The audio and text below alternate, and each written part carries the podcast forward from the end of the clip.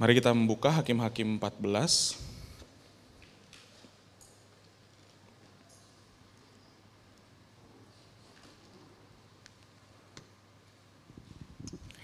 Ayat 1 sampai ke 20.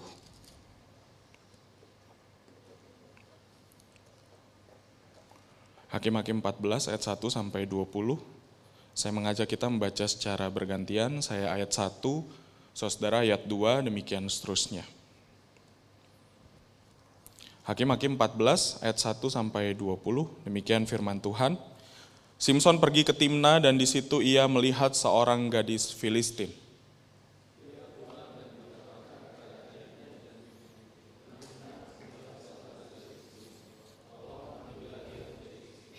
Tetapi ayahnya dan ibunya berkata kepadanya, tidak adakah anak, di antara anak-anak perempuan sanak saudaramu atau di antara seluruh bangsa kita seorang perempuan sehingga engkau pergi mengambil istri dari orang Filistin, orang-orang yang tidak bersunat itu. Tetapi jawab Simpson kepada ayahnya, ambillah dia bagiku sebab dia kusukai.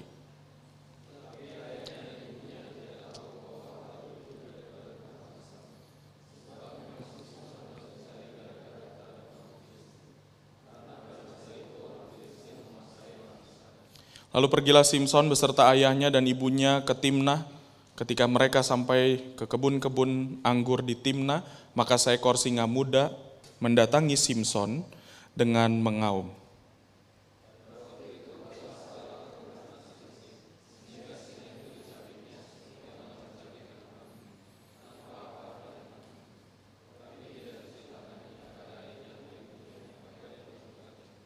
Maka pergilah ia ke sana lalu bercakap-cakap dengan perempuan itu sebab Simpson suka kepadanya.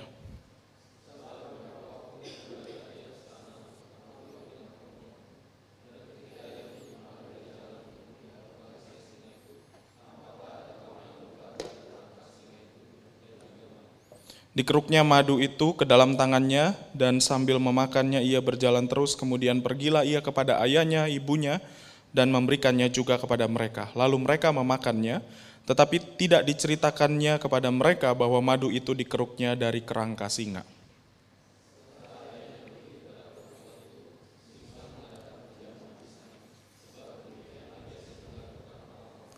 Ketika mereka melihat dia, dipilihlah 30 orang kawan untuk menemani dia.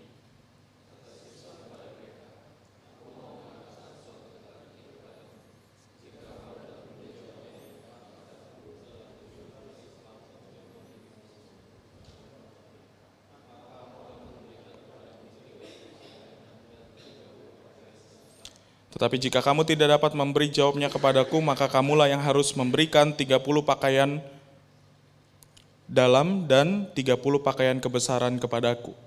Kata mereka kepadanya, katakanlah teka-tekimu itu supaya kami dengar.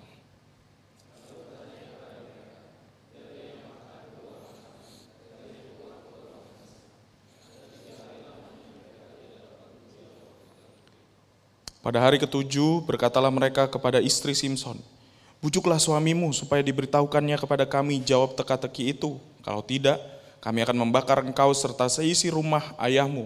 Apakah engkau mengundang kami untuk membuat kami menjadi miskin? Tidak bukan?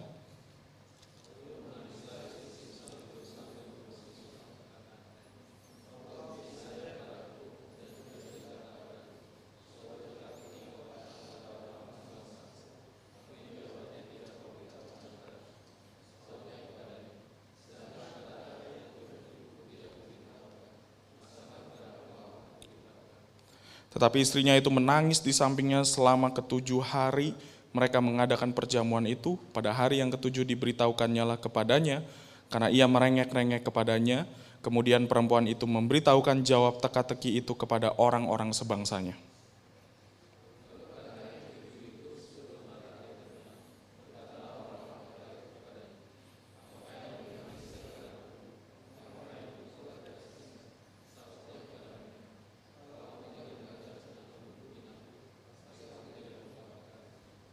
Maka berkuasalah roh Tuhan atas dia, lalu pergilah ia ke, es, ke Askelon dan dibunuhnya 30 orang di sana.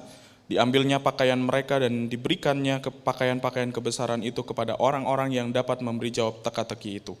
Tetapi amarahnya masih juga bernyala-nyala, lalu pulanglah ia ke rumah ayahnya.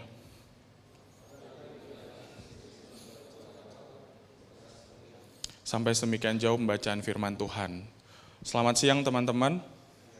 Perkenalkan nama saya penginjil Antoni Chandra. Saya pelayanan di Gereja Kristen Agape Kelapa Gading di Jalan Raya Kelapa Nias. Terima kasih untuk kesempatan yang diberikan untuk saya boleh menyampaikan khotbah di Youth Gepembri Kelapa Gading. Saya ingat enam tahun yang lalu saya berdiri di tempat ini, tapi bukan berkhotbah, tapi karena resepsi pernikahan saya itu di tempat ini. Ya, jadi saya di sini dan senang juga ketemu teman-teman SMA saya yang tahu betapa hancurnya hidup saya dulu. Ya, pasti mereka akan mengatakan, hm, dia yang khotbah, gue tahu hidupnya dulu kayak bagaimana gitu ya. Ya tapi itulah uh, satu sisi bangga gitu ya jadi satu kesaksian bagaimana kasih Tuhan mengubah seseorang menjadi manusia yang baru. Tapi saya pun juga masih berjuang untuk menjadi serupa dengan Kristus. Teman-teman saya sudah menikah, istri saya namanya Ivona Sylvia Setandi, dia penginjil juga. Uh, kami belum dikaruniai anak, masih terus berdoa dan menantikan jawaban Tuhan. Tema yang diberikan kepada saya adalah ignore good advice, ya. Teman-teman yang terkasih, uh, apakah kalian pernah menonton film ini, The Blind Side? Pernah, ya. Ini adalah satu film yang bagus yang menceritakan bagaimana si ibu Lake Anne ini akhirnya menemukan the blind side dari si Michael. Ya, jadi Michael ini bukanlah anak kandung dari Ibu Lake Anne, tetapi adalah seorang uh, pria kulit hitam yang di mana orang tuanya itu atau mamanya itu adalah seorang yang kecanduan narkoba. Dan kemudian dia melihat bagaimana kesulitannya hidup si Michael ini dan akhirnya dia memutuskan untuk menjamu Michael dan kemudian uh, mengadopsi dia. Dan kemudian uh, satu peristiwa yaitu ketika Michael diberikan mobil yang baru ternyata uh, Michael itu mempunyai insting yang begitu luar biasa yang tidak disadari oleh si Michael sendiri. Yaitu Michael uh, sangat uh, apa? memiliki blind sight yang sangat baik sekali yaitu tentang ketika dia tahu tentang keluarganya, dia akan menjaga keluarganya sedemikian rupa. Dan ternyata ketika dites mengenai tes akademik, tes akademik si Michael ini sangat rendah, tetapi 98% mengenai tes di mana Michael itu sangat menjaga seseorang yang dia cintai itu sangat tinggi sekali.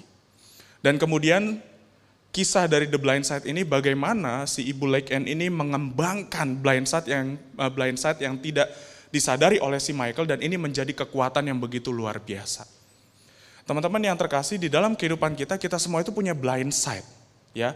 Sama ketika kalian uh, mendengarkan saya berkhotbah, ada blind side saya, yaitu belakang saya. Ketika saya sedang berkhotbah, saya juga melihat blind side yang saudara-saudara tidak sadari.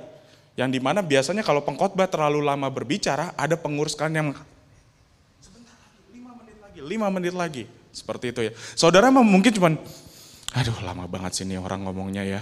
Tapi sebenarnya ada pengurus saudara yang ngomong, lima menit lagi, lima menit lagi.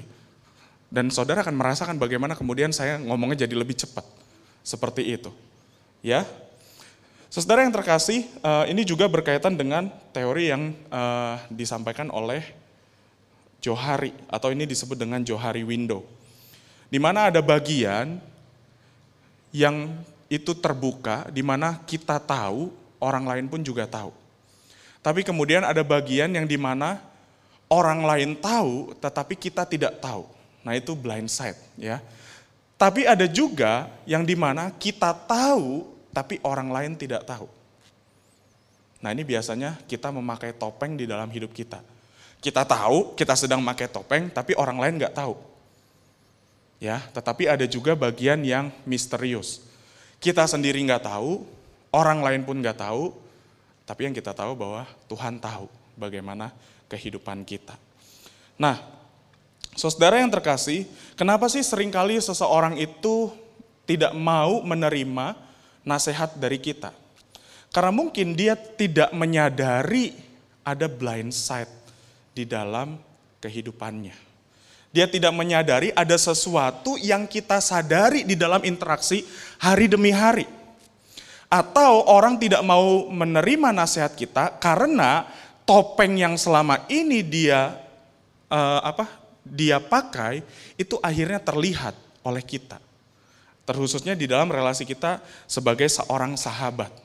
Nah, makanya sering kali orang-orang yang menolak untuk dinasehati kecenderungannya mungkin karena mereka tidak sadar ada sisi gelap yang terlihat atau mereka itu topengnya kelihatan. Topengnya terbuka. Nah, ini bahaya nih. Kalau topengnya terbuka, atau topengnya ketahuan, terus kemudian kita kasih tahu. Biasanya dia akan cenderung mengatakan bahwa kita sedang menghakimi. Ya, atau kita sedang uh, tidak percaya dengan dia, atau kita sedang meng, uh, apa, tidak mengasihi orang tersebut. Dan itu banyak sekali kalimat-kalimat yang dijadikan sebagai tameng atau sebagai tembok yang intinya ingin mengatakan, tolonglah jangan korek bagian itu. Karena saya selama ini berusaha menutupi bagian itu dengan topeng saya. Tetapi akhirnya karena saya karena kita tahu kita tidak bisa selamanya menutupi kejelekan kita, akhirnya terbongkar juga. Dan ketika orang sadar, orang kasih tahu. Dan sering kali orang itu tidak siap. Ya. Atau orang itu tidak mau menerima nasihat karena sebenarnya dia nggak sadar. Itu blind side-nya dia. Atau itu kelemahan dia. Atau itu kelebihan dia. Oke. Nah, teman-teman yang terkasih kalau kita melihat di dalam bacaan kita hari ini, Hakim-Hakim 14, itu menarik sekali. Ketika Simpson itu mengatakan kepada orang tuanya, tolong ambillah dia menjadi istriku. Ya. Kita tahu bahwa di dalam hukum Tuhan, menikah dengan bangsa lain itu sama dengan melawan hukum Tuhan. Dan ini sangat ditekankan di dalam hukum Taurat. Di mana bangsa Israel sebelum mereka nyampe di tanah Kanaan, mereka udah dikasih tahu, nanti kalau kamu udah sampai di tanah Kanaan, jangan menikah dengan bangsa lain. Jangan kamu mengambil perempuan dari bangsa-bangsa di sekitar di tempat di mana kamu ada. Kenapa? Karena ketika seseorang itu terikat di dalam ikatan pernikahan, biasanya dia itu juga akan ikut di dalam penyembahan kepada dewa-dewanya. Makanya Tuhan sangat melarang bagian ini. Tetapi apa yang dilakukan Simpson? Simpson tahu nggak hukum ini? Seharusnya dia tahu. Tapi apa yang dia lakukan? Dia tetap mengatakan tolong ambillah dia menjadi istriku. Dan teman-teman perhatiin ayat 4. Ini ayat yang susah banget nih ya. Tetapi ayahnya dan ibunya tidak tahu bahwa hal ini daripada Tuhan asalnya. Sebab memang Simpson harus mencari gara-gara terhadap orang Filistin karena pada masa itu orang Filistin menguasai orang Israel. Pusing banget nih ada ayat begini. Ya. Bapak sama ibunya nggak tahu kalau Simpson tuh harus cari gara-gara. Tetapi pertanyaan saya, kenapa Simpson harus cari gara-gara? Karena dia seorang hakim. Tetapi apakah gara-gara eh, masalah yang dimunculkan oleh Simpson itu harus tentang pernikahan? Enggak. Simpson bisa cari cara yang lain untuk cari gara-gara dengan bangsa Filistin. Dengan cara apa? Menggunakan kekuatannya. Tapi dia mencari gara-gara dengan cara menikah. Saudara saya ingat banget ya ketika saya memutuskan untuk menikahi istri saya. Wah itu pergumulannya luar biasa. Meyakinkan orang tua saya bahwa keputusan yang saya ambil itu adalah keputusan yang tepat. Saudara mungkin ada beberapa di antara kalian, bahkan teman-teman saya pun juga nggak tahu, pokoknya tahu-tahu saya menikah di usia muda 23 tahun. Itu sebenarnya ada pergumulan, saya dan istri saya itu beda usia cukup jauh Makanya saya menikah di usia 23 tahun. Dan ketika saya meminta izin kepada orang tua saya, terkhusus kepada mama saya, mama saya itu paling keras menolak. Dan ternyata ketika saya ngomong-ngomong, mama saya itu belum uh, belum menceritakan apa yang menjadi ketakutannya. Pokoknya dia bilang, enggak, pokoknya mami nggak mau. Ya udah, Saya tunggu beberapa hari, saya telepon lagi, saya jelasin lagi, enggak, pokoknya mami nggak mau. Mami udah tanya ke pendeta ini, mami udah tanya ke penginjil ini, mami udah tanya ke orang ini. Mereka bilang jangan. Terus saya bilang, ya udah. Siapa yang ngomong? Saya bilang gitu. Minta nomor telepon pendetanya, minta nomor penginjilnya. Saya juga calon pendeta atau calon penginjil, saya juga bisa ngomong. Dia pakai ayat Alkitab, saya juga bisa pakai ayat Alkitab. Kemudian saya beberapa waktu saya ngobrol lagi, mami saya tetap mengatakan enggak. Lalu kemudian tercetuslah satu kalimat yang sebenarnya itu menjadi inti kenapa dia tidak setuju.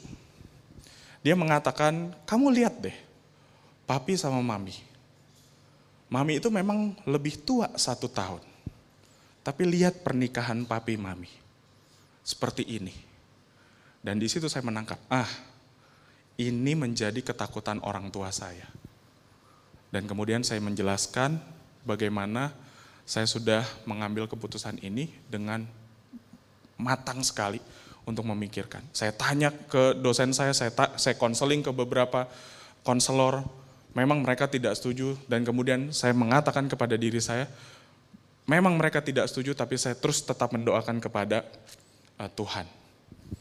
Eh ternyata ada satu kejadian yang menarik sekali teman-teman.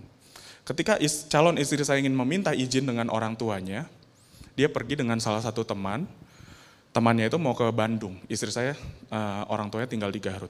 Waktu ketika dia mau ke Bandung, mau uh, apa bayar bayar tol, biasa ngantri.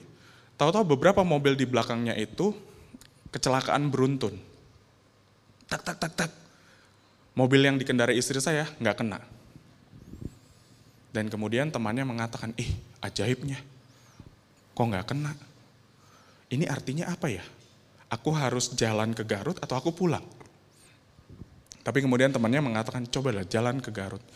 Lihat bagaimana Tuhan sudah menolong kamu, dan pasti juga Tuhan akan menolong kamu berbicara dengan orang tua kamu. Dan akhirnya dia ke Garut, dan kemudian dia berbicara dengan orang tuanya, dan akhirnya orang tuanya mengizinkan.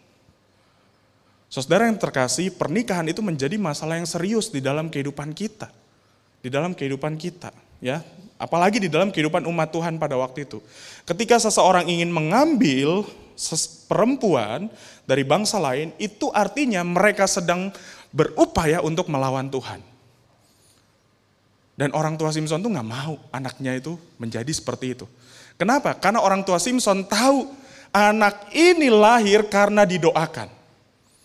Karena mereka itu memohon belas kasihan Tuhan.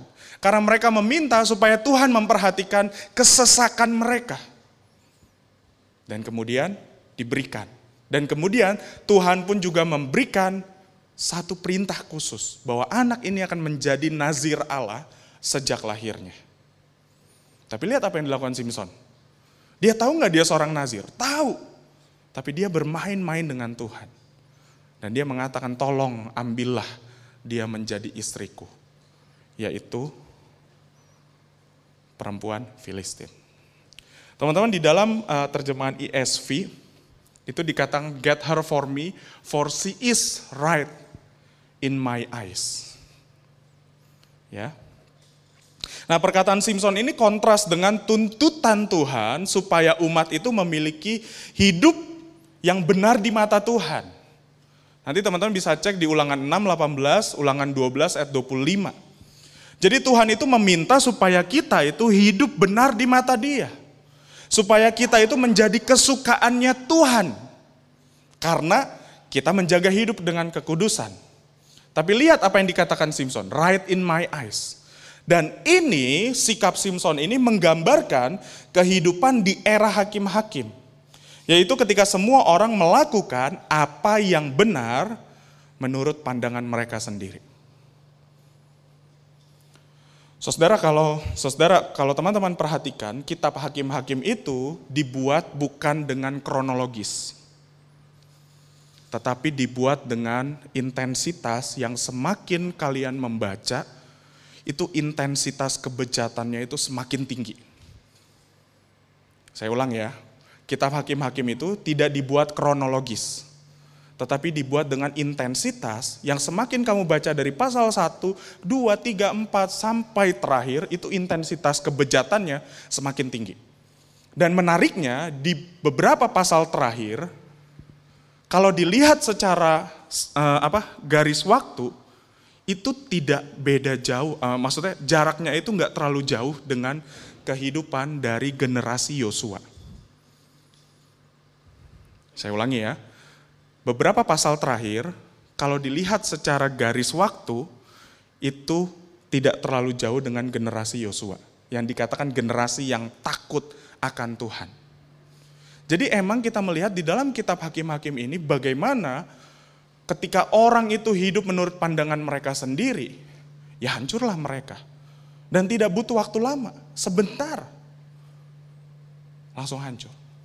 Dan sebentar kebejatan mereka itu parah sekali. Dan kita melihat di dalam bagian ini, yang bejat itu bukan hanya umatnya, tetapi pemimpinnya.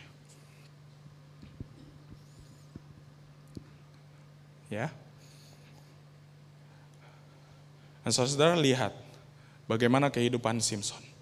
Simpson itu adalah manusia dengan kekuatan yang sangat luar biasa.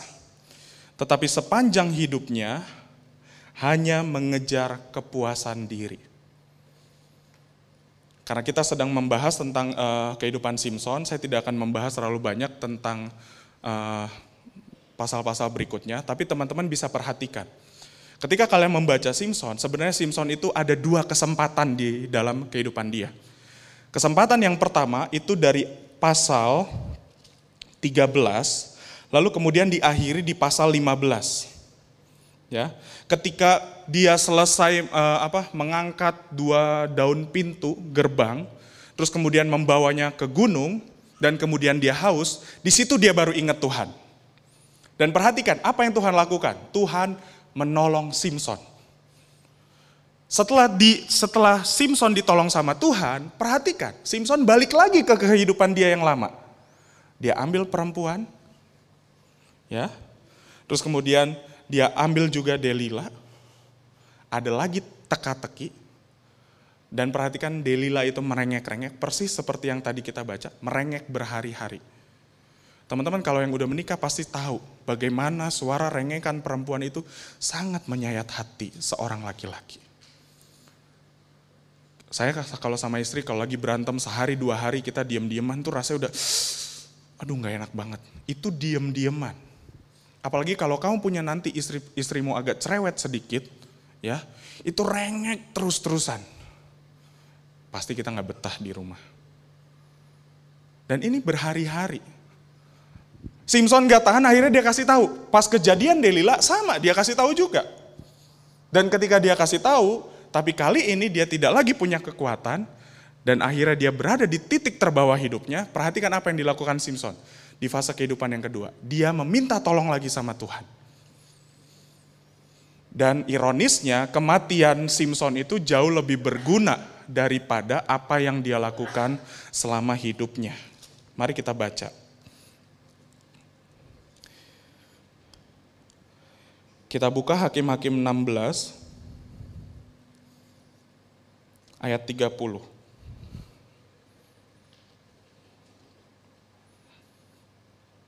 Hakim-Hakim 16 ayat 30. Saya baca kalimat terakhir di ayat tersebut. Yang mati dibunuhnya pada waktu matinya itu lebih banyak daripada yang dibunuhnya pada waktu hidupnya. Ironis ya. Pada waktu dia mati, yang dibunuh itu jauh lebih banyak daripada waktu hidupnya. Kenapa? Karena dia selama dia hidup, dia hanya memikirkan kepentingan dirinya sendiri. Selama dia hidup, dia hanya mengejar nafsunya dia. Dan dia tidak tahu tugas tanggung jawab dia sebagai hakim untuk membawa kelepasan bagi Israel. Tapi dia lebih mementingkan dirinya sendiri. Padahal kalau kita baca di dalam Alkitab, tidak ada orang yang memiliki kekuatan yang sama seperti Simpson. Artinya dia punya karunia yang begitu luar biasa, tapi dia tidak menggunakannya. Teman-teman, gimana kalau kita punya teman model seperti Simpson ini? Apa yang akan kita lakukan sebagai sahabat? kita pasti akan capek ngasih tahu dia. Dan terus menerus kita kasih tahu dia, kita nasihati dia, kita kita doakan dia supaya Tuhan ubah hatinya, tapi dia terus menerus melakukan kesalahan demi kesalahan demi kesalahan.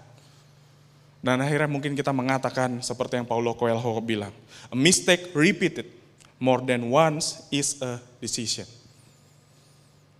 Ya ini mah udah gaya hidupnya dia. Ini mah kayak udahlah kita nggak bisa ngubah dia. Teman-teman capek loh kalau punya teman kayak model Simpson seperti ini. Kita sebagai temannya atau sahabatnya kita lihat nih orang punya potensi luar biasa.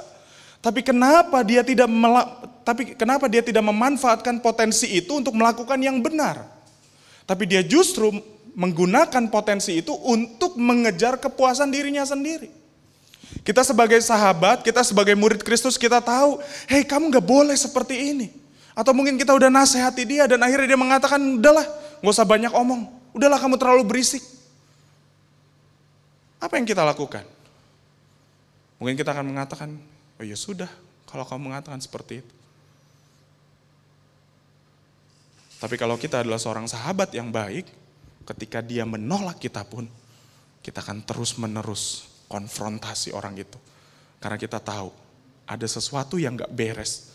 Yang mungkin kamu tidak sadar, tapi aku lihat. Dan aku tahu potensi hidup kamu. Ayo jangan hidup untuk dirimu sendiri, tapi hiduplah untuk Tuhan. Teman-teman yang terkasih, kita biasanya pasti kalau mau bangun pagi ya, apalagi kalau yang uh, kerja, kalau hari Senin tuh ya, biasanya udah mulai pasang alarm atau kami para hamba Tuhan kalau hari Minggu apalagi dapat khotbah, tugas khotbah pagi, pasti pasang alarm. Nah ada alarm yang kalian pasang, itu biasanya nada seperti apa? Apakah suara kicauan burung? Suara air? Atau suara musik yang keras-keras? Teman-teman, ketika kita memasang alarm di handphone, biasanya kita cari ringtone yang paling mengganggu kuping kita. Supaya apa? Supaya kita bangun. Kalau kita masang alarm tapi kita pasang ringtone, apa ringtone yang mengenakan, ya kita nggak bangun-bangun kita akan semakin menikmati. Ya. Tapi kalau kita pasang alarm dengan ringtone yang sangat mengganggu, kita pasti akan mengatakan, ah, setidaknya ya snos dulu lima menit lagi. lima menit lagi. Atau kalau emang terlalu urgent atau kita terlalu kebo gitu ya uh, tidurnya, kita pasang alarm itu setiap lima menit atau setiap tiga menit. Intinya apa? Gua harus bangun. Nah teman-teman yang terkasih, Nasihat seorang sahabat itu seharusnya seperti alarm.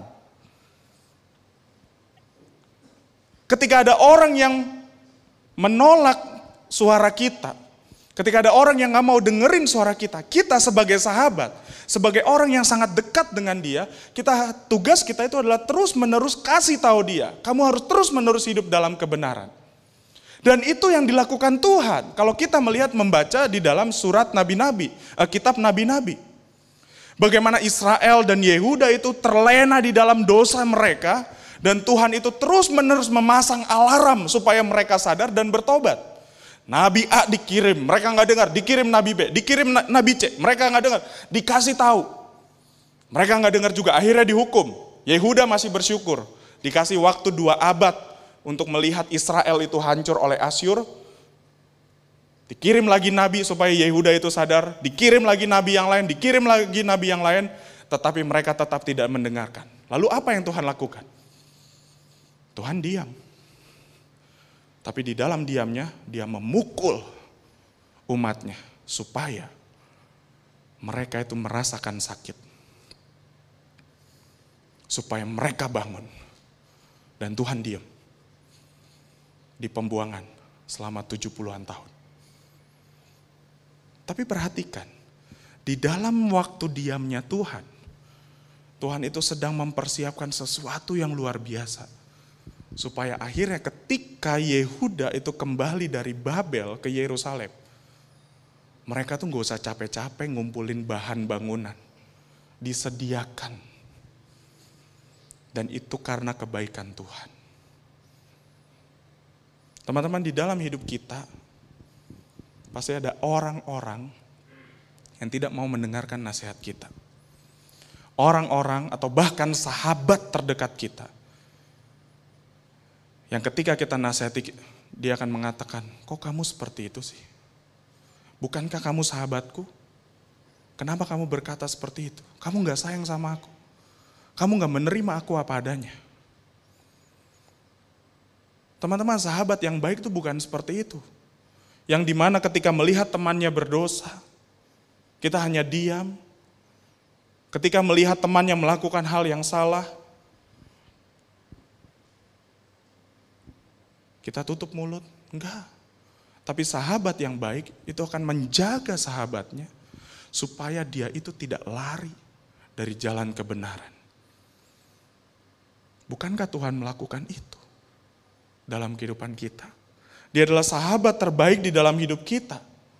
Kristus adalah sahabat terbaik yang di mana dia itu berani memberikan nyawanya supaya sahabatnya itu tidak terus-menerus hidup di dalam dosa.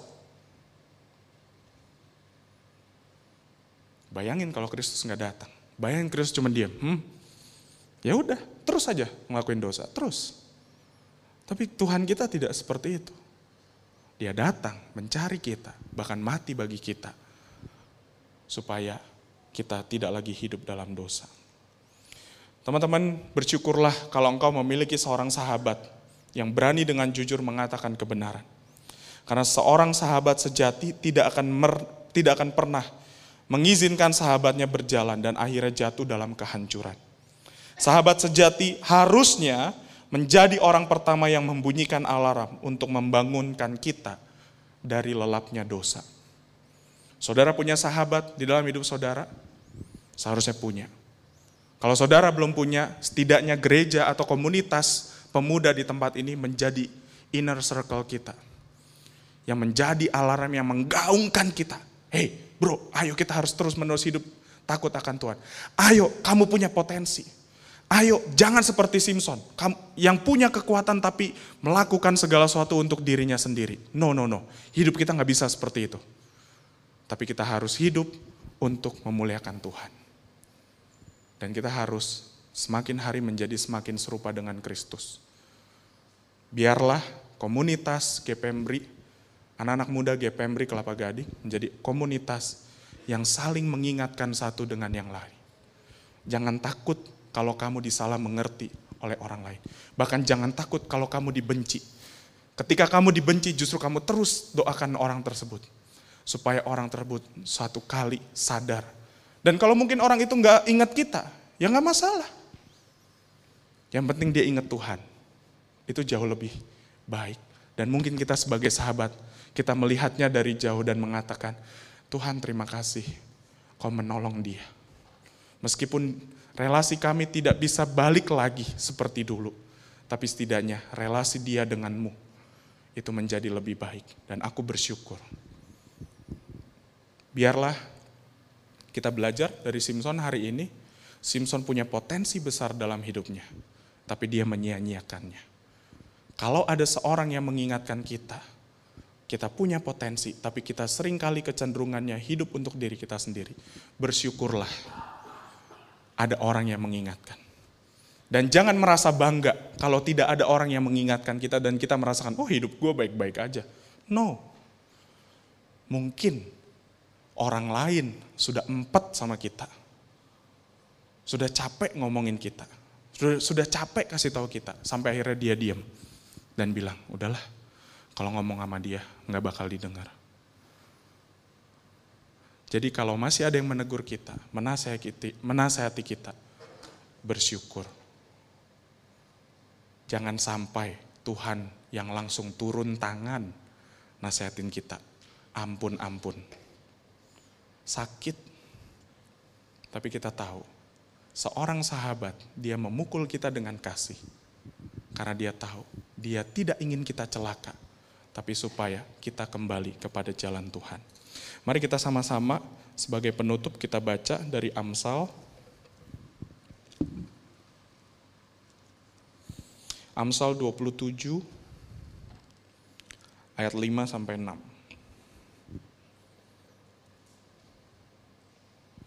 Amsal 27 ayat 5 sampai 6.